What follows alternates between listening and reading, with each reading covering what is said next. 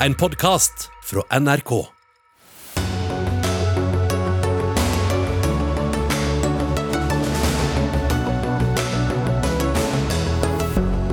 Det kan bli lettere å være fullvaksinert i Norge, men vanskeligere å komme inn i landet. Imens brenner likbål døgnet rundt i India. Hele verden vil merke katastrofen som utspiller seg der, sier en norsk professor. Både Arbeiderpartiet og SV vil endre abortloven, men hva er egentlig forskjellen på de to partienes vedtatte politikk? Regjeringens utkast til nye regler for hjemmekontor er altfor puslete, sier akademikerne. Det er nå en god start, svarer Torbjørn Røe Isaksen. Og unge bønder maner til opprør over lave inntekter. Bøndenes dårlige lønn kan gi dårligere tilgang til norsk mat, advarer kokk. Dette er Dagsnytt 18 på NRK1 og NRK P2, i dag ved Sigrid Solund. Klemming og nærhet med andre enn kohorten er ikke lenger i strid med anbefalingene for enkelte. I dag kom nemlig regjeringen med nye råd for dem som er koronafullvaksinerte. I private hjem kan fullvaksinerte ha nær sosial kontakt med andre fullvaksinerte, og nær kontakt med uvaksinerte med mindre de tilhører en risikogruppe. I offentlig rom er rådene like både for dem som har fått vaksine og dem som ikke har fått det. Og dette skjer etter anbefaling fra dere, Line Wold, du er avdelingsdirektør i Folkehelseinstituttet. Hva er bakgrunnen for at dere velger dette skillet mellom private hjem og andre steder? Jo, Det er jo fordi at eh, i det private hjem så har man eh, oversikt over eh, hvem som er der og om de tilhører en sårbar gruppe eller ikke, mens man ute i det offentlige rom jo ikke helt vet hvem man er tett på. Og siden det er sånn at selv om man er fullvaksinert, så er det sånn at noen fortsatt kan bli smittet og føre smitte videre, så vil vi beskytte de sårbare blant oss ved fortsatt å gi råd om at man skal følge rådene generelt. Og så vil det jo også være litt krevende å ha ulike råd for vaksinerte og ikke-vaksinerte ute i det offentlige rom, så det er også et hensyn man må ta. at Vi ønsker jo eh, enkle råd som det er eh, lett å følge. Så hvis to fullvaksinerte møtes ute på gata, så må de snike seg bak et hjørne for å gi hverandre klem? Sverige har jo kunngjort lettelse for dem som bare har fått én vaksinedose også. Er det aktuelt å gjøre også i Norge? Altså Per nå så holder vi oss til fullvaksinert, som, som disse rådene gjelder for. Og så kan det jo hende at det kommer endringer i det ettersom vi høster mer kunnskap om effektene av vaksinene. Eh, men det er eh, veldig Altså den, eh, denne skalaen fra å være vaksinert med første dose til andre, den kommer det stadig flere studier om effektene av. og det er sånn at Per nå så er det jo god effekt av første dose, alle studiene viser det. Men, eh, men, det er enda bedre effekt av dose nummer to. Så for å gjøre det litt gradvis her og være på den mer sikre siden, så velger vi å se på effekten etter to doser. Men din studiene peker de i retning av mer eller mindre beskyttelse etter bare én? Nei, det er sånn at det er eh, enda bedre effekt ja, det skjønner jeg, men, men liksom man, hvis man vet mer og mer, betyr det at man tror det er bedre beskyttelse etter én enn det man trodde før, eller motsatt? Ja, nei, det er det at eh, vi har et eh, ganske lite antall studier å hvile disse tallene på. Sånn at de spriker litt for noen av gruppene. Men, men alt tyder jo på at det er veldig god effekt etter én vaksinedose, men enda bedre effekt etter to. Og dette er jo ikke noen særnorsk debatt, hvem som skal få lov til, eller få lov til er nå en ting, men også hvilke anbefalinger som skal gjelde for, for hvem. Simen Ekern, du er europakorrespondent.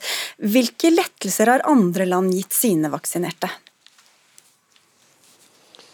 I Europa så er det først og fremst eh, Danmark som har kommet ganske langt med, med sitt koronapass, eh, som det heter. Og der eh, er det sånn at man kan komme inn på Eh, enkelte serveringssteder, det er snakk om museer, eh, forskjellige offentlige arrangementer med eh, et sånt pass. Det danskene har gjort, og som jo også ligger i EUs planer, er jo ikke skille mellom vaksine og en koronatest, eller om man er immun fordi man har hatt covid-19 tidligere. Så, så, så, dette ligger jo hele tiden i, i, denne diskusjonen. Er det sånn at det blir diskriminerende, eller er det ikke det i Danmark, så har man jo sett kø, lange køer for å ta disse testene.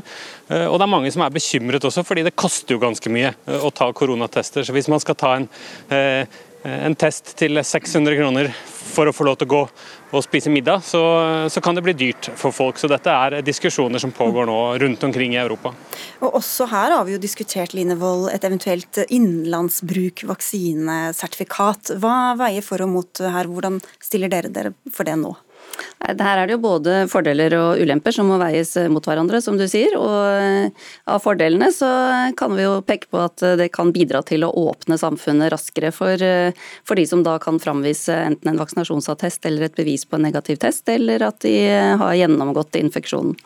Og så eh, på de mer andre siden av skalaen så er det jo dette med både etiske og praktiske problemstillinger, og også juridiske problemstillinger rundt dette med å skulle framvise et koronasertifikat. Og eh, Det gjelder jo f.eks. Eh, at du må da fremvise helseopplysninger når du, når du, skal inn et sted, hvis det skal bli gjeldende for f.eks. å kunne delta på arrangementer. Så Det er jo én side av eh, dette. Og Det andre er å, å, praktiske løsninger, rett og slett med å, få til det tekniske rundt å etablere et sånt type sertifikat. Og også hvis man skal da um, ha inn både dette med testresultat og vaksineresultat, at man har testkapasitet nok til at det å teste seg er et eh, reelt alternativ til, eh, til det med vaksinering. Hvis vi holder oss til det innenlandske, Lars Jakob Him, du er statssekretær i Justis- og beredskapsdepartementet. Hvordan ligger dere an med et eventuelt innenlandssertifikat? Det er jo allerede, ligger det jo på eh, Helse Norge, så kan du jo få tilgang til din egen vaksine, vaksinasjonskort. Og så er det jo spørsmål om vi skal... Gir deg ingen goder utover å være vaksinert? Men, men, det gjør at vi har en del av grunnstrukturen på plass. Og så jobber man jo både FHI og HDIR, og også regjeringen, med å se hvordan vi skal videreutvikle dette til et eh, koronasertifikat, og hva det eventuelt skal brukes til. Og Det er litt den samme debatten som går i Danmark, som selvfølgelig vi driver med også. Men Danmark har jo hatt mye strengere restriksjoner restriksjoner enn det Norge har hatt over tid. Så Derfor har du brukt dette til et middel for å gjenåpne. Vi har jo hatt en litt annen tilnærming, men vi gjør de samme vurderingene nå og ser hva det eventuelt kan føre til. Men Simen Ekern, det er ikke bare dette, disse innenlandske brukene. Det er jo også snakk om dette koronapasset, som da skal eh, gjøre det lettere å bevege seg på tvers av landegrensene. Og Det er også oppe til eh, diskusjon i EU-parlamentet i dag. Hva er det de eh, er uenige om der? I EU-parlamentet så eh, regner vi vel med at de aller fleste kommer til å være enige om å anbefale eh, stats- og regjeringssjefene i medlemslandene om å innføre dette. Eh, I debatten som har gått i dag, så var det først og fremst bekymring for at landene ikke vil gå langt nok. At man er bekymret for at innføringen av dette digitale grønne sertifikatet, som det heter, f.eks. ikke skal fjerne karanteneplikten. Det man vil i EU-parlamentet og i kommisjonen Ambisjonen er jo at dette skal eh, være en måte å gjøre det likt for alle på eh, i Europa. At folk kan eh, besøke familie og venner, og at de kan dra på ferie. Og at de må følge de reglene som gjelder, men at de reglene skal være de samme over hele Europa. Og Hvis ikke karanteneplikten forsvinner, f.eks., så er det mange som argumenterer for at dette passet ikke har noen særlig hensikt. I tillegg så har debatten handlet om det vi hørte tidligere i sendingen, personvern naturligvis, og også bekymringen for en diskriminering av de som ikke får vaksine, og i hvor stor grad eh, en koronatest vil gi deg de samme rettighetene eh, eller ikke. Lars Jakob Him, hvordan vil den norske varianten eventuelt forholde seg til hva EU bestemmer? Vi er tett koblet på den prosessen som går i EU, for eh, vi er jo avhengig av å ha en tilnærming til, til det systemet som kommer i EU-systemet, og den samme tilliten til, til, systemet. For oss er det viktig at dette er et dokumenterbart, godt system som gjør at vi kan stole på det. Samtidig som vi ser mulighetene til at dette kan åpne for både mer reisevirksomhet og utveksling av arbeidskraft og annet eh, når vi får på plass et godt system for det. Det ble innført skjerpede innreiseregler i dag for reisende fra India og landene rundt, i tillegg til Irak. Det innføres pålegg om karantenehotell for alle reisende fra Bangladesh, India, Irak, Nepal og Pakistan den indiske mutantvarianten av viruset er allerede i Norge. Hvorfor har dere ikke hatt bedre kontroll på smitten også fra disse landene fra før av? Vi har allerede veldig strenge innreiseregler. Vi har eh, karanteneregler for de aller fleste som kommer, og i tillegg så er det veldig få som har anledning til å reise nå. Men vi ser at eh, den situasjonen vi ser i India er såpass dramatisk at vi Eh, også nå strammer inn på de som gjennomfører det vi kaller nødvendige reiser. at også de må på karantenehotell, sånn at vi kan få ha enda bedre kontroll på at det ikke kommer inn flere enn en, egentlig ingen si vi, skal, vi, skal, snakke mer om India. Imens skal du få bli takket av Lars Jakob Him fra Justis- og beredskapsdepartementet. Og mens vi får inn vår neste gjest her, Linevold, kan du ikke bare kort si hva vi vet om denne virusvarianten som dominerer i India? Ja, Dette er en eh, variant som har eh, to mutasjoner i dette spike-proteinet, som, eh, som, er viktig for hvordan viruset hefter seg til kroppens celler. Og Mutasjoner der følger vi ekstra nøye med på fordi at det kan ha betydning for smittsomhet, og også fordi det kan ha betydning for effekt av vaksiner. Så Derfor er dette et område vi følger nøye med på endringer i. Og så er det jo sånn med denne indiske varianten at vi vet ikke så veldig mye sikkert om, om varianten, altså med hensyn på smittsomhet og effekt av vaksiner men per nå så, så eh, mener vi jo at det er grunn til å tro at det er mer smittsomt. Eh, og så har vi ikke sikre indikasjoner på at det er dårligere effekt av vaksinen. Mm. Og så er det viktig å, fremheve også at eh, situasjonen i India er nok ikke bare grunnen til at de har denne varianten, de har flere andre varianter som sirkulerer også. og I tillegg så er det sånn at det, bor, det er stor befolkning, de bor tett mange steder, og det er mange andre faktorer også antagelig som bidrar til denne sterke stigningen i smittetallene i India. Ja, vi skal komme inn på noen av dem, for vi har jo sett fjernsynsbildene. De brenner lik døgnet rundt. Brennende stabler av ved, døde kropper, improviserte kremasjoner i landsbyer, i gater og på torg. Og det er altfor mange syke med covid-19 til at de får en ordentlig behandling. India har stengt grensene pga. smittebølgen, så heller ikke journalister slipper inn i landet. Men du følger dramatikken fra Beirut, korrespondent Yama Wolasmal. Hva er situasjonen der nå i, landets, i verdens nest mest folkerike land? Du, India har blitt truffet av en tsunami av smittetilfeller og covid-død de siste ukene. Bare i går ble det registrert 320 000 smittetilfeller. Det er de offisielle tallene. og De som følger med på covid-statistikken i India, mener at dette enorme tallet også er altfor lavt. De viser til at India kun har testet rundt 20% av sin gigantiske befolkning på 1,3 milliarder mennesker. og Det betyr at eh, nærmere 80% av befolkningen kan gå rundt med smitte. Man vet ikke eksakt hvor mange det dreier seg om. Når det gjelder døde, eh, ble det i går registrert 3200 døde. Dette er de som er offisielt bekreftet fra sykehusenes side at dødsårsaken var covid-19. Men vi vet at utallige mennesker har blitt lagt på likbålene rundt omkring i India uten at man har fått den offisielle bekreftelsen. Derfor kan mørketallene også når det gjelder dødsstatistikken være mye høyere. Katinka Frøystad, du er professor ved Institutt for kulturstudier ved Universitetet i Oslo og har forsket mye på India. Og når du snakker med venner og kollegaer og bekjente der, hva er det de sier? Nei, De sier eh, akkurat det samme som vi nettopp hørte. De er redde. Nesten alle jeg kjenner har en eller annen i familien eller en eller annen nabo som nå er syke og som de er eh, redde for, eller har nettopp mistet noen. Eh, I hvert fall i de regionene der smitten er mest utbredt akkurat nå. Så det er, en, det er, en, frykt, og det er også litt sinne mot uh, at myndighetene ikke har tatt grep om dette tidligere, selv om det sinnet er, eh, er veldig svakt uttrykt fordi det blir overskygget av uh, fortvilelse og redsel akkurat nå. Ifølge Times of India er deler av Delhi som en slags krigssone. Folk jakter desperat på oksygenflasker, og du har også en venn som ble offer for manglende oksygen og manglende hjelp. Ja, det er riktig. Han, han, bodde ikke i New Delhi, men i en by litt lenger eh, øst i landet. Og han var en, Historien hans er litt annerledes enn mange av de vi ser. for Det vi ser på fjernsynsskjermene er folk som kommer med familiemedlemmer som er veldig syke og kjører rundt fra sykehus til sykehus og, og møter lukkede dører. Men uh, han som da var min venn, han var fraskilt og bodde alene. Uh, så hans problem var at det var ingen som kunne passe på han. Uh, bortsett fra noen uh, slektninger som bodde på den andre siden av byen. Så de kom med medisiner på døren hans. Uh, men idet han begynte å bli svakere og svakere, og så svak at de skjønte at de trengte en ambulanse til han, så var han blitt så svak at han ikke klarte å åpne døren, som var boltet da fra innsiden. Sånn at dette her var en, en, en veldig uh, grusom situasjon. og han døde da hjemme nå like før helgen. Så det, det har vært en ganske sånn heftig heftig eh, tid for han og hele hans familie og alle som, som står rundt. ja. Og Det er jo bare en av utallige historier. Hva sier myndighetene da til, til situasjonen og til det som skjer?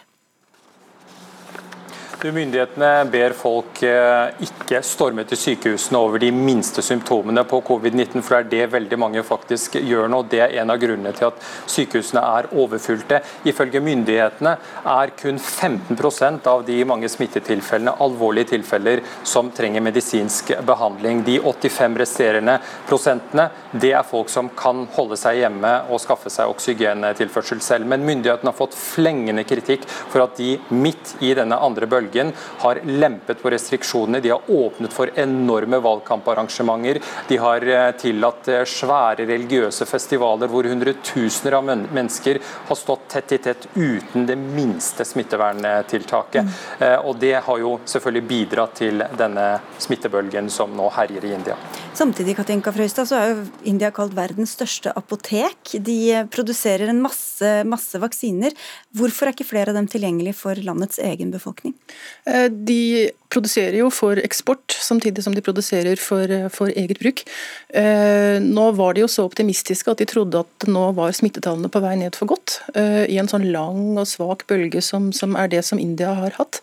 Så de begynte å donere vaksiner til land i et slags sånn vaksinediplomati, som de antagelig håpet skulle komme landet internasjonalt til gode senere. Og plutselig fikk et problem fordi de ikke hadde nok eh, vaksiner som de da kunne gi til sine egne innbyggere. Samtidig som de også har slitt litt med vaksineskepsis fordi de har sluppet sin egenproduserte vaksine litt for tidlig ut, på, ut blant folk, uten at fase 3-testingen da var ferdig. Line Wold i Folkehelseinstituttet, dere sier at pandemien i Norge eller andre steder er ikke over før den er over overalt. Hva kan det få å si, det som skjer i India nå, for oss selvfølgelig, men hele resten av verden?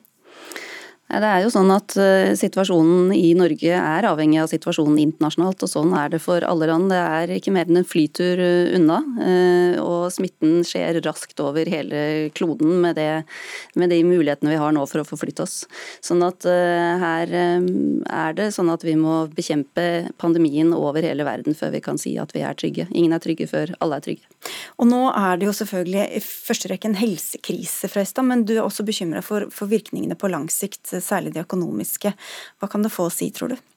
Jeg tror at, eh, eller jeg ikke tror, jeg er ganske sikker på at dette vil gjøre at veldig mange mennesker som nå har hatt en slektning som måtte på sykehus, eh, vil få store økonomiske problemer og vil falle tilbake i en mye fattigere tilstand enn det de har vært i før. Eh, og det sier jeg fordi mye av Indias helsevesen er svakt, det resterende er privat. Det vil si at eh, skal man f.eks. få en syk slektning inn på et privat sykehus i India, ikke nødvendigvis det beste, eh, og skaffe en ambulanse som du også må betale for, og kjøpe oksygen som du også må betale for, og medisiner osv., så, videre, så koster det fort vekk eh, en månedslønn per dag for en lavinntektsfamilie. Det sier seg selv at det har de ikke råd til. Men mange av de vil strekke seg så langt de bare overhodet kan, særlig hvis det er en ung mann i familien som er den som skaffer inntekter. Eh, og hvis det likevel ikke går, så, ja, så sitter de der da med én person mindre, altså sin uh, yrkesaktive person, og uh, uten alle de utgiftene som de da har, har måttet uh, ut med. Hva tror du ringvirkningene kan bli også utover Indias grenser? Det er litt vanskeligere å si, men eh, det vi vet er at eh, veldig mange av Indias diaspora for eksempel, som sitter i Norge og i USA og i Storbritannia og veldig mange andre steder, gjør alt hva de kan nå for å, hjelpe både folk de kjenner og folk gjennom sine nettverk. Eh, så det vil tære hardt på mange av disse også, det er helt klart. Og Hva slags hjelp er det landet først og fremst trenger nå, Yama? Du, de trenger de aller meste i kampen mot eh, covid-19. Sykehusene skriker etter eh, ventilatorer, respiratorer, intensivplasser. Ehm, de trenger oksygen. Eh, vi fikk en fikk en rapport fra et privat sykehus i dag hvor de driver og skrur ned nivået på oksygentilførselen til pasienter som er inne i sykehuset. Det betyr at pasienter selv på sykehus opplever nesten å bli kvalt fordi det er akutt mangel på oksygen. Du følger situasjonen videre, Jamma Wollesmal. Takk skal du ha. Tusen takk til deg, Katinka Frøystad, for at du var med, og til deg, Linevold fra Folkehelseinstituttet.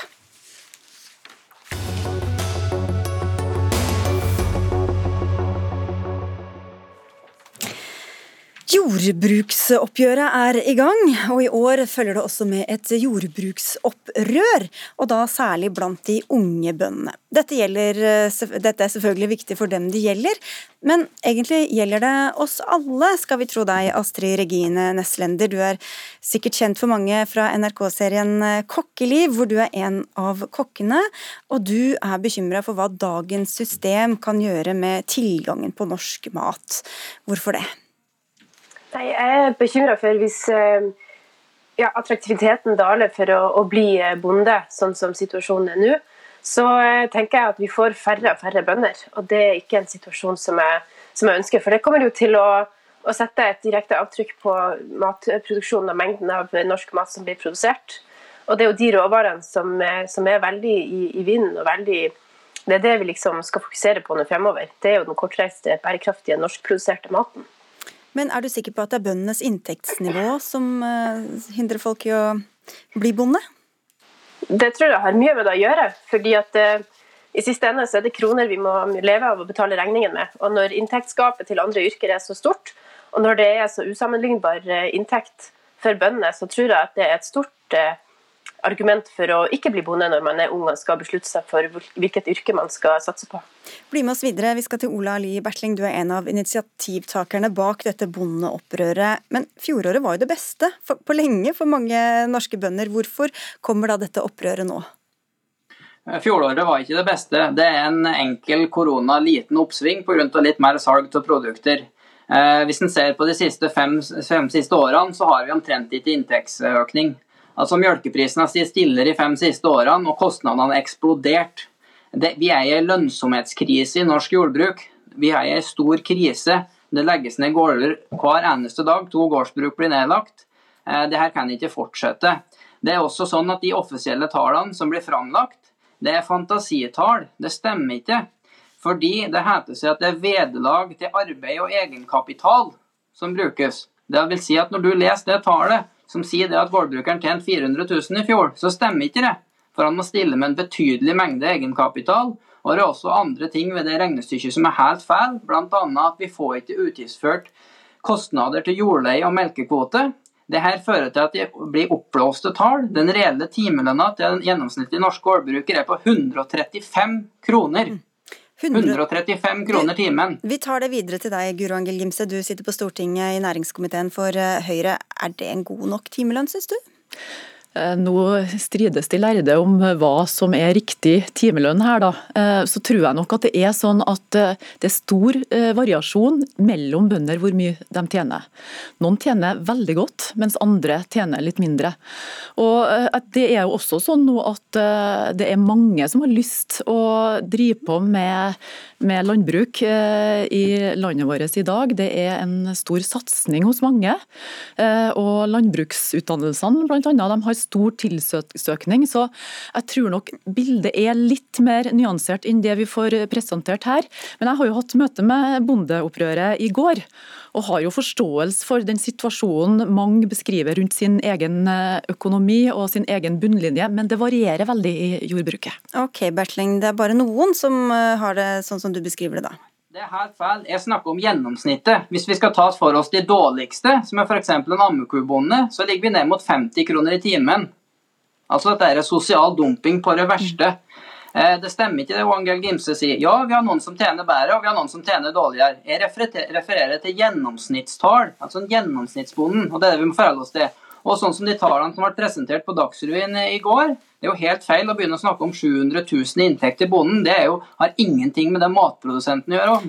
Altså Om bonden er advokat og, og driver med litt korn attåt, så har det ingenting med saken å gjøre. Her snakker vi om årsverksinntekt for matproduserende jordbruker. Vi ligger på en en tredjedel av gjennomsnittslønna i Norge. Ja, Gimse, ta det. Altså, er det er, hva, hva, hva synes du om at, at, at bøndene tjener gjennomsnittlig såpass dårlig som det blir beskrevet her? Utgangspunktet nå for jordbruksoppgjøret er jo budsjettnemndas grunnlagstall. og Det bondeopprøret nå har aktualisert, det er jo en mistillit til tallene. Og det er ikke noe nytt. Det så vi også under eh, Lars Peder Brekk i 2012, når de rød-grønne styrte. At eh, det var stemmer da som ønska akkurat det samme som det vi hører nå. Og det, det betyr vel ikke at det noe, var noe bedre da, eller at det er noe bedre nå? Men, eh, så Derfor så har vi i Høyres landbruksnettverk, vi er jo da 18 stortingsrepresentanter som, som har engasjert oss i landbruk, vi har da fremma et forslag for Høyres landsmøte nå om å gå gjennom de her grunnlagstallene. For Vi må ha tillit til de tallene som ligger til grunn, og det bondeopprøret har vist oss nå, er jo at de ikke har den tilliten til tallene. Men sånn som det er for min sin del som stortingsrepresentant, så forholder jeg meg til de tallene som budsjettnemnda kommer med. Bertling, det er jo litt forvirrende dette å skulle korrigere eller uh, faktasjekke tall på, på lufta. Uh, hvorfor er det ikke større tillit til disse tallene som ligger til grunn her, da? Det er et upresist uh, mål. Altså Årsverksinntekta i jordbruket blir beregna som vederlag til arbeid og egenkapital. Det har Stortinget bestemt, og det er tallfesta i hovedavtalen fra 1992, som for øvrig er 30 år gammel. Systemet er bygd opp på 30 år. Og det som har skjedd på den tida, er at vi har investert, vi har satsa. Vi har driver store bedrifter. Altså I 1992 da var det små bruk, lite kapital, mye manuell arbeidskraft. Nå har vi mye kapital bundet opp i næringsdrifta vår. Altså jeg, For meg så har jeg bundet opp flere millioner i gården min. Og jeg har en inntekt på 30-50 kroner timen, og jeg holder på i ti år. Og jobber bortimot 4000 timer i året. Okay. Det har vært så dårlig her Det har vært så dårlig her at ett år så legger jeg bort bolighuset mitt, og jeg sov i fjøsgangen for å få inn noen ekstra kroner som jeg spytta inn i gardsdrifta.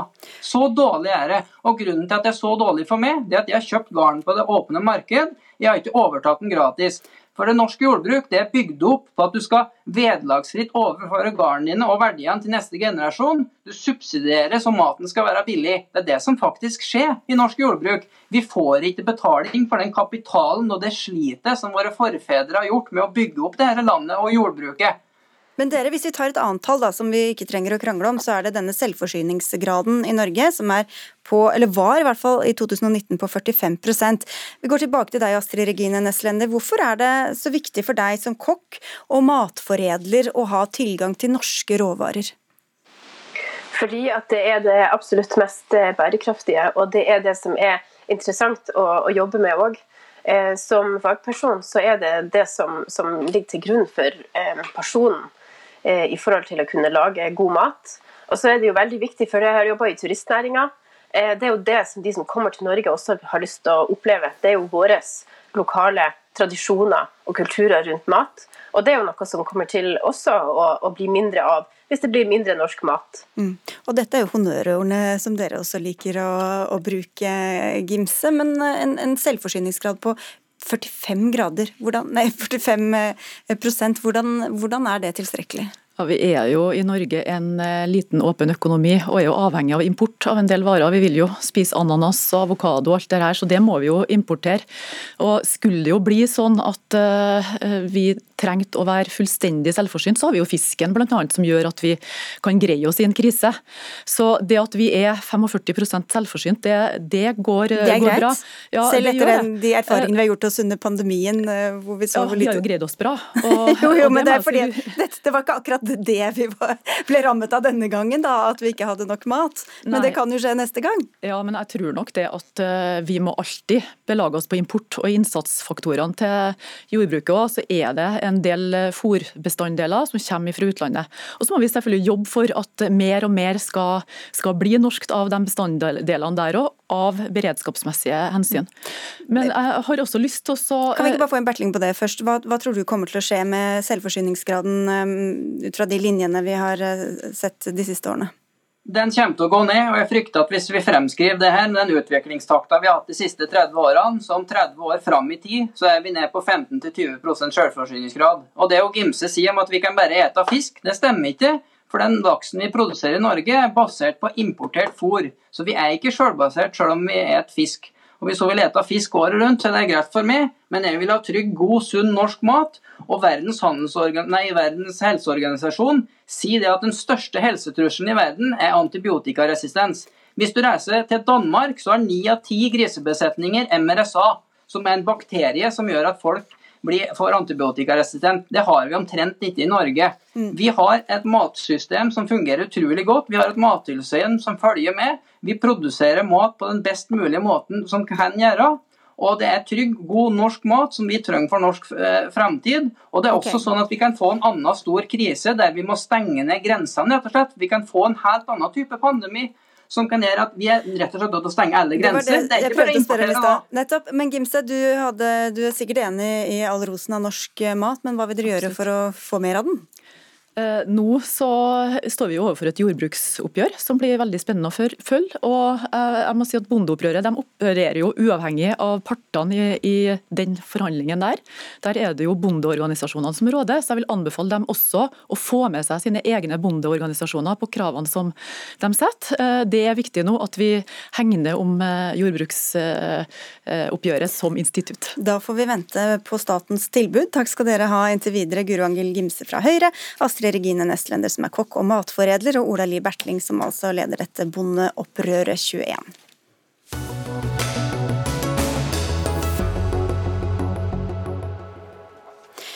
Hvem står ansvarlig hvis det skjer en ulykke på hjemmekontoret? Mot slutten av Dagsnytt 18 skal vi diskutere forslagene til nye regler for alle som jobber hjemmefra. Men nå. Dagens abortlov kan stå for fall etter vedtak i mange partier om å endre den. Men hva skal den erstattes med? Se der er partiene i hvert fall noe uenige. SV har fått mye oppmerksomhet etter at partiet vedtok at kvinnen selv skal bestemme om hun vil ta abort, helt fram til grensa for når fosteret kanskje kan leve utenfor livmoren. Den grensa er satt til uke 22 i dag. Venstre og Arbeiderpartiet vedtok nylig å avskaffe abortnemndene og ha selvbestemt abort fram til uke 18. Det er mange detaljer her. Venstre takket nei til å være med oss i dag i denne oppklaringsrunden, men Tuva Moflag fra Arbeiderpartiet, det har jo vært litt forvirring både om deres vedtak og SVs eh, vedtak. Vi skal prøve å rydde litt. Hva er forskjellen på det dere bestemte og det SV har gått for? Ja, det, nå skal jeg først og fremst svare for Arbeiderpartiet, men det vi har sagt er at vi vil avvikle nemndsystemet som i dag er mellom uke 12 og uke 18. Og Her eh, mener vi at det er kvinnens selvbestemmelse som skal legges til grunn, og at vi da skal eh, heller erstatte det med et Eh, en rådgivningstjeneste, at kvinnene er, altså får en god oppfølging av fagpersonell. SV har jo da foreslått at man skal ha selvbestemt abort eh, fram til uke 22. Så her er det en, en vesentlig forskjell på, på, hvor lenge eh, denne selvbestemmelsen skal vare. Da. Så Kirsti Bergstø, nestleder i SV, dere deler syn fram til uke 18, men det er her deres veier skilles, da? Det er viktig å si at I SV sitt vedtak så sier vi ingenting om uketall. Eh, det vi eh, sier eh, er heller ikke at vi skal øke grensa for når det skal være mulig å ta abort, men vi er tydelige på at vi ønsker å endre nemndsystemet som veldig mange kvinner opplever som belastende i dag. Og vi ønsker å erstatte nemnd med selvbestemmelse. Og Det er prinsippene for den abortloven som vi ønsker å å endre. Og da lurer jeg på, Skal kvinner uansett bestemme helt selv, eller skal det være kriterier for å få innvilget abort sent i svangerskapet, altså etter uke 18? Dagens abortlov har jo veldig tydelige kriterier. Eh, vårt vedtak fra landsmøtet sier ingenting om eh, det. Eh, det sier ikke hvordan vi skal forholde oss til dagens kriterier i et nytt lovarbeid. Og den sier heller ikke om vi skal lage nye kriterier, ha dem som veiledende prinsipp eller, eller, noe annet. Det vi er veldig tydelige på er at nå må vi ha et lovarbeid der vi inviterer bredt, både fagmiljø og andre partier og kvinnebevegelse til å delta. Fordi det å fjerne men da, Unnskyld at jeg avbryter, men da vet man jo ikke da om det er kvinnen selv som skal bestemme fram til fosteret eventuelt eh, kan leve utenfor livmoren? Vi sier at vi trenger en sterk rådgivningstjeneste over hele landet. Eh, og her må vi skille. Eh, for vi må skille på de som tar abort fordi at man ønsker å avbryte svangerskap. Alle som, alle som ønsker det, gjør det så tidlig som mulig. Eh, og tallene er veldig tydelige. Eh, vi har aldri tatt abort tidligere. Og så får man jo Vi legger eh, det til grunn. Alle har lyst til å ta abort så tidlig som mulig i ja. svangerskapet, det vil jeg også tro. Ja. Men hvis man Altså det går jo ikke an å både si at man skal ha kriterier og at det bare er kvinnen alene som skal bestemme. Så hvis dere har vedtatt noen nye prinsipper, hva er de prinsippene da? Det jeg sier er at vi ikke i vårt vedtak sier noe om eh, kriterier. Vi berører ikke det spørsmålet fordi vi har lagt prinsipper for en ny abortlov til grunn for vårt vedtak. Eh, og det er å erstatte nemnda med selvbestemmelse og bygge ut en rådgivningstjeneste som er til stede over hele landet. Dagens nemnder er sterkt sentralisert. Vi vet at tidlig innsats, både i forhold til prevensjon, eh, jordmødre, men også veiledning og rådgivning er avgjørende. Og Grunnen til at jeg skiller på dem som ønsker å bryte et svangerskap, og som gjør det så tidlig som mulig, og dem som får den tunge beskjeden at de må avbryte svangerskap senere i Eh, i graviditeten, er fordi det her er vesentlig. Fordi Det er jo hele grunnen til at vi kritiserer nemndene.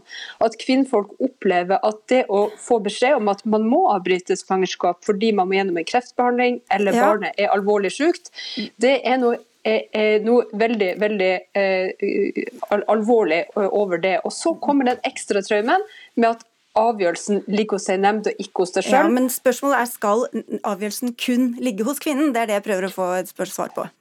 Vi mener at det er ikke eh, mindre viktig med selvbestemmelse, det er mer alvorlig. Klar, hvorfor, jo, hvorfor, kan, hvorfor kan det, det, du ikke si ja eller nei på det? Det er det jeg svarer på nå, fordi det er ikke mindre viktig med selvbestemmelse, det er en mer alvorlig avgjørelse som skal tas. Så med god rådgivning så er vi overbevist om at kvinnfolk er fullt i stand til å ta det valget. Men da må vi ha en annen struktur enn i dag, og det er ingenting som tyder på at det blir flere aborter sent i svangerskapet. Men du svarer jo fortsatt ikke helt på det jeg spør om da. Hvordan, hvordan, hvordan... Jeg, jeg syns dette er eh, lite oppklarende. Det som har kommet ut fra eh, SV sitt landsmøte, er jo at de vil ha selvbestemt abort til uke 22. Det er Arbeiderpartiet uenig i. Vi mener at det er en vesentlig forskjell på uke 18 og 22. Eh, og det er sånn at Med det lovverket vi har har i dag, så er det en skranke som ligger ved uke 18. og Det er at det skal være særlig tungtveiende grunner til at man skal kunne ta abort etter uke 18. Og Hvis det skal være særlig tungtveiende grunner, så må det jo være et system som kan da eh, avgjøre om de grunnene er der eller ikke. Men samtidig så sier loven at, at fosteret får mer og mer rettsvern, altså en gradvis mer rettsvern gjennom svangerskapet. Absolutt. Eh, sånn at de, Der skilles det ikke så nøye mellom akkurat hvilken uke det er. Så dere sier at nemnder er en kjempedårlig idé fram til uke 18, men etter uke 18, da er det en god idé?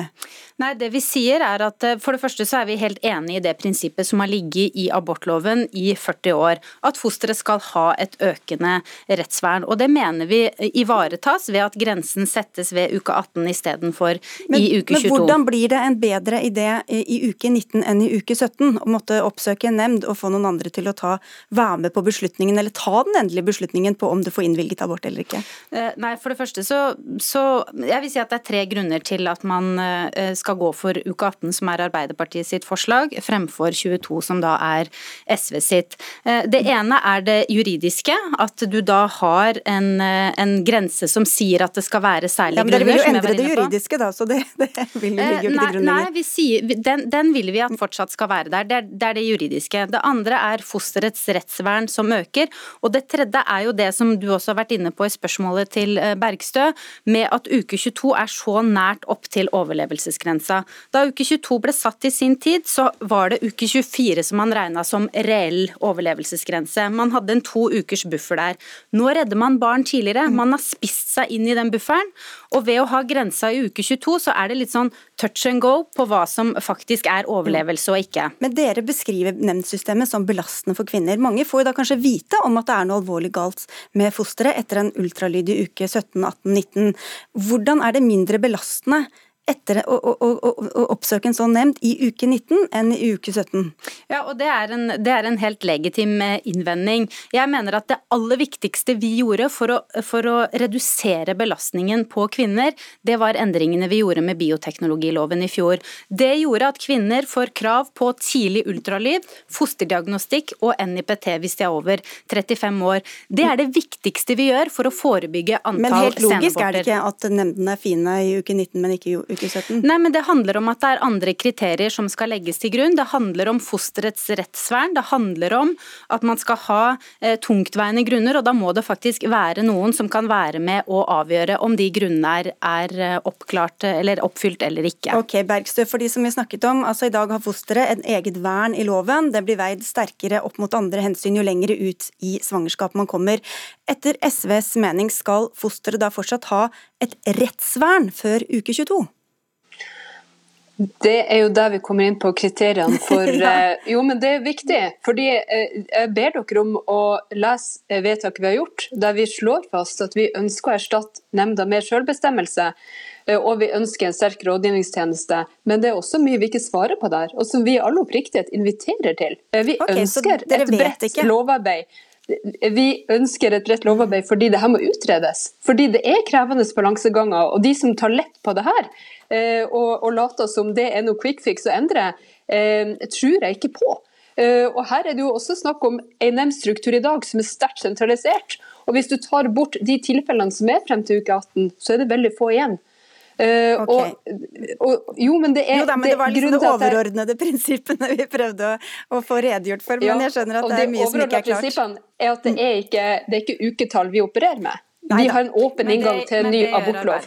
Vi har satt okay. grensen ved, ved, 18 uker, og det er vi veldig tydelige på. Ja, ok. Men dere, vi forsøkte, så får vi se hvor kloke vi ble. Takk skal dere ha, i hvert fall begge to. Tuva Moflag fra Arbeiderpartiet og Kirsti Bergstø fra SV.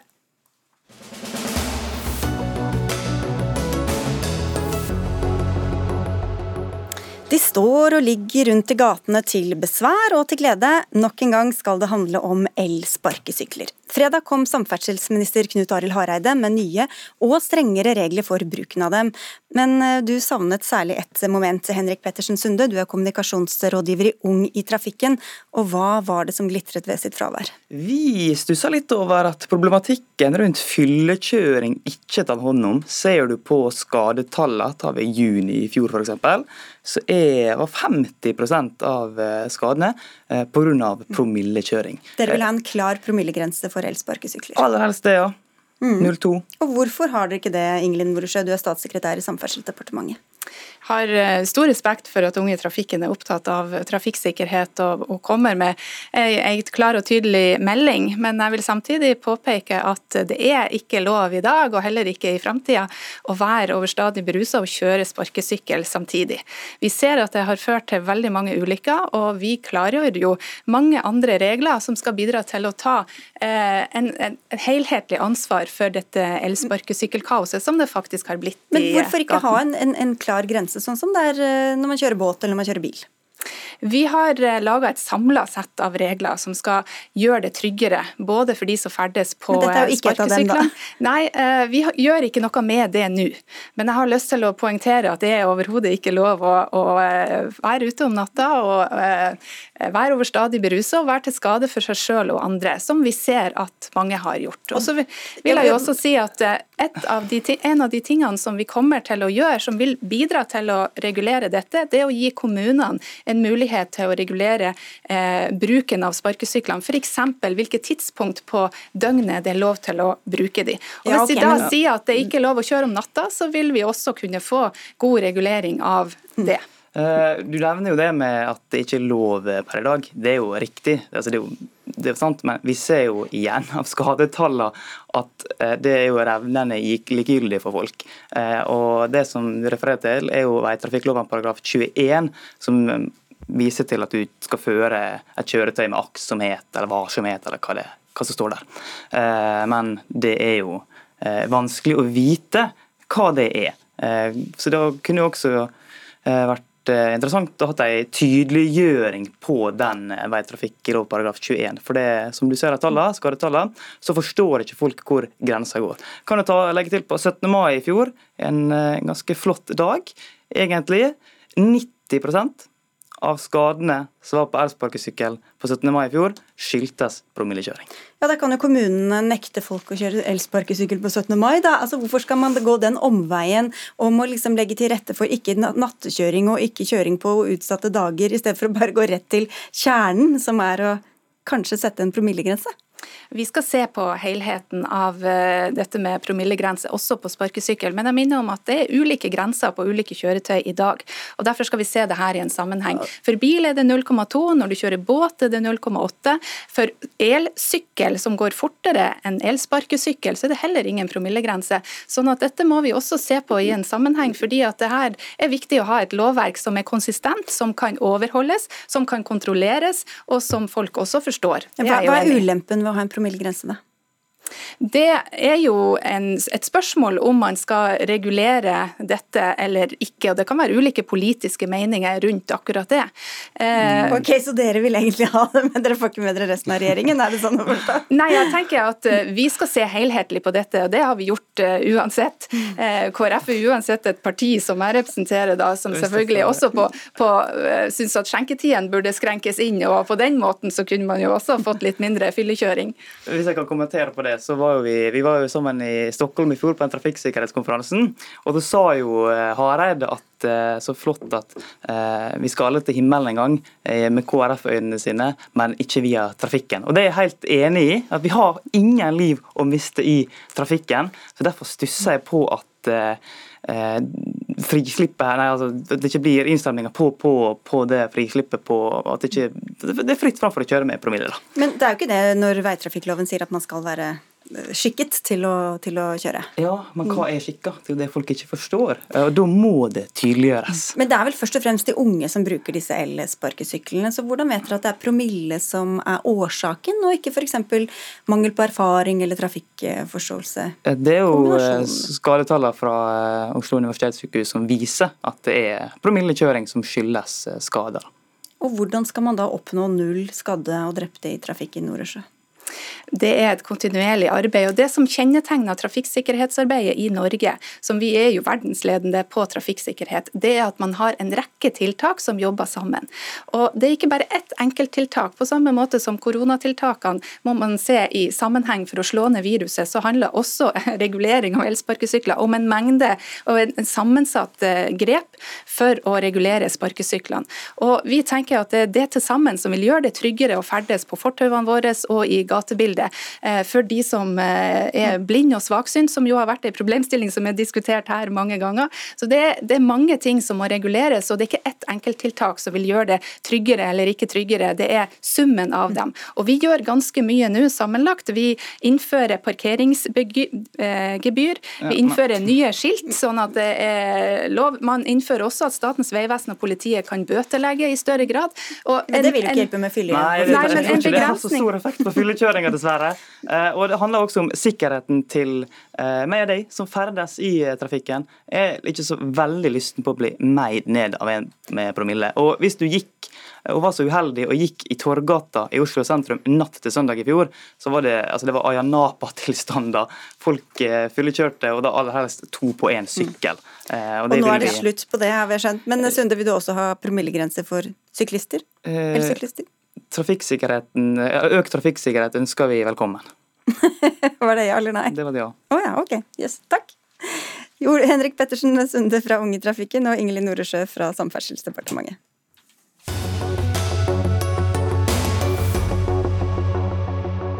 Og det skal fortsatt handle om regler, men på et område som de færreste av oss er vant til å forbinde med nettopp det, nemlig hjemmekontoret, som en del har fått mer enn nok erfaring med det siste året. For den sterke økningen i antall arbeidstakere som jobber hjemmefra, har ført til at regjeringen forrige uke la fram et nytt forslag til regelverk for arbeid på hjemmekontor. Forrige fors forskrift kom for 19 år siden, men de nye forslagene er for puslete, mener du Kari Solien. Du er leder for Akademikerne, som organiserer 240 000 medlemmer. Og du er, som seg hør og bør, med fra hjemmekontor på Gjøvik. Hva er det som er så puslete ved de nye forskriftene fra regjeringa? Ja, ja, vi er selvsagt glad for at regjeringa oppdaterer dette her regelverket, men vi syns det er litt for puslete, og at de bare pirker i reglene. Bl.a. så tar de for lett på reglene om ansvaret for å dekke utstyr og internett. og Det gjelder òg øh, forsikringsregler som er uklare. Og De burde òg sett på skatteregler, sånn at de ble tilpasset et mer moderne og fleksibelt øh, arbeidsliv. For øh, mer fleksibilitet det er bra, det vil vi ha, men det kan ikke være sånn at økt bruk av hjemmekontor blir et økonomisk tapsprosjekt for arbeidstakere. Men hvorfor er ikke dette noe arbeidstakere og arbeidsgivere kan bli enige om seg imellom? Jo, eh, det er klart at det er veldig mye av dette skal arbeidsgiver og arbeidstaker bli enige om seg imellom. Men eh, regelverket må overordnet slå fast at arbeidsgiver dekker dette. Og så kan detaljer bestemmes eh, lokalt. Vi er engstelige for at hvis dette overlates til arbeidsplassen og arbeidsgiver alene, så er det en del som vil kunne utnytte disse her hjemmekontorordninga for å spare penger og flytte den kostnaden for nødvendig kontorutstyr over på arbeidstaker. Arbeids- og sosialminister Torbjørn Røe Isaksen, det var du som la fram dette forslaget. Hvorfor er dere så puslete?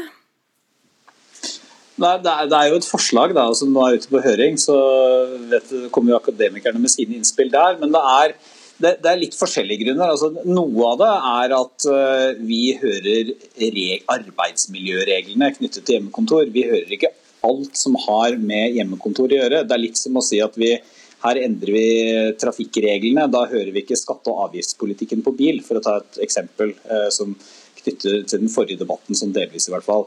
Det andre er at på noen områder så er nok jeg litt mer skeptisk til det akademikerne foreslår. Jeg er enig i at vi må ha noen klare kjøreregler. Det kan ikke være fritt fram på hjemmekontoret, og det er litt av poenget her også. men men at vi skal ha veldig detaljerte regler for ting som eh, normalt avgjøres i god dialog på arbeidsplassen, det er jeg skeptisk til.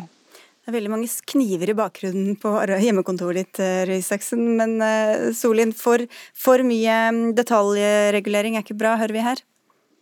Nei, og som sagt så er ikke vi opptatt av detaljreguleringer. Vi ønsker å få regulert det overordnede prinsippet. Og så er vi helt sikre på at eh, partene seg imellom kan finne løsninger for detaljer. Men det er jo f.eks. sånn at de aller fleste som eh, jobber på hjemmekontor, vil trenge en PC og tilgang til internett. Og så vil det variere hva slags utstyr du trenger i tillegg. Og vi vet faktisk nå fra pandemien der en veldig stor andel av arbeidstakere er pålagt å, å, jobbe fra hjemmekontor. Til og med da så er det sånn at én av fem svarer at de ikke får dekke det helt nødvendigste utstyret på hjemmekontor. Så vi mener at det er behov for en overordnet regulering, men at detaljer det må bestemmes lokalt på arbeidsplassen mellom partene der. Vi skal få med den andre parten her. Nina Melsom, du er direktør for arbeidsliv i NHO og er med oss i studio, ikke på hjemmekontor. Men hva sier dere på vegne av alle arbeidsgiverne til, til denne pakka fra regjeringa, da? Vi sier vel at eh, per nå så er vi jo pålagt av myndighetene å sitte på hjemmekontor. og Så er spørsmålet hva etter korona. Og Det er jo litt sånn som eh, Kari Sollien er inne på, vi skal finne et balansert og godt eh, regelverk. Det skal vi bruke tid på. Og Da må vi samle erfaring, plusser og minuser i den tiden vi har vært på. Men vi må huske, vi har vært igjennom nå. Men vi må huske på én ting, og det er som også Kari Sollien var litt inne på. Hva er motivasjonen for å sitte på hjemmekontor? Og Hvis motivasjonen er arbeidstakernes ønske om fleksibilitet, så er det ikke gitt at det er arbeidsgiver som skal ta all belastning. Og Våre medlemsundersøkelser viser nettopp at det er det som er noe motivasjonen fremover at, at, man ønsker å imøtekomme et behov for fleksibilitet hos arbeidstakerne. Og Det er noe helt annet enn der du blir pålagt å sitte på hjemmekontor. Men er det nødvendigvis enten-eller? At det er enten så kommer ønsket fra arbeidsgiver, eller så kommer det fra arbeidstaker? Nei, og da tenker jeg nettopp det eh, som er så bra med regelverket. Det legger opp til at man skal snakke sammen, man skal finne gode lokale løsninger. Eh, og det tror jeg også at eh, man får til i fremtiden. Og så må man samle litt erfaring fordi vi går ikke tilbake til det arbeidslivet som en gang var. Solien. Nei, Det er jeg jo helt sikker på. at eh, vi, eh, vi ønsker jo nå alle at vi i all hovedsak, all hovedsak skal komme tilbake på kontoret en mer normal arbeidshverdag. Men jeg er helt sikker på at eh, hjemmekontor vil bli brukt mer enn tidligere. og Det er av flere grunner. og Jeg er helt sikker på at det vil være nyttig for både arbeidsgiver og arbeidstaker. og I de aller, aller fleste tilfeller så vil arbeidsgiver og arbeidstaker finne gode løsninger gjennom avtaler. Eh, men vi ser òg noen tilfeller der arbeidsgivere ønsker å bruke dette for å spare penger, for å kunne ha eh, mindre kontorutgifter f.eks., mindre lokaler.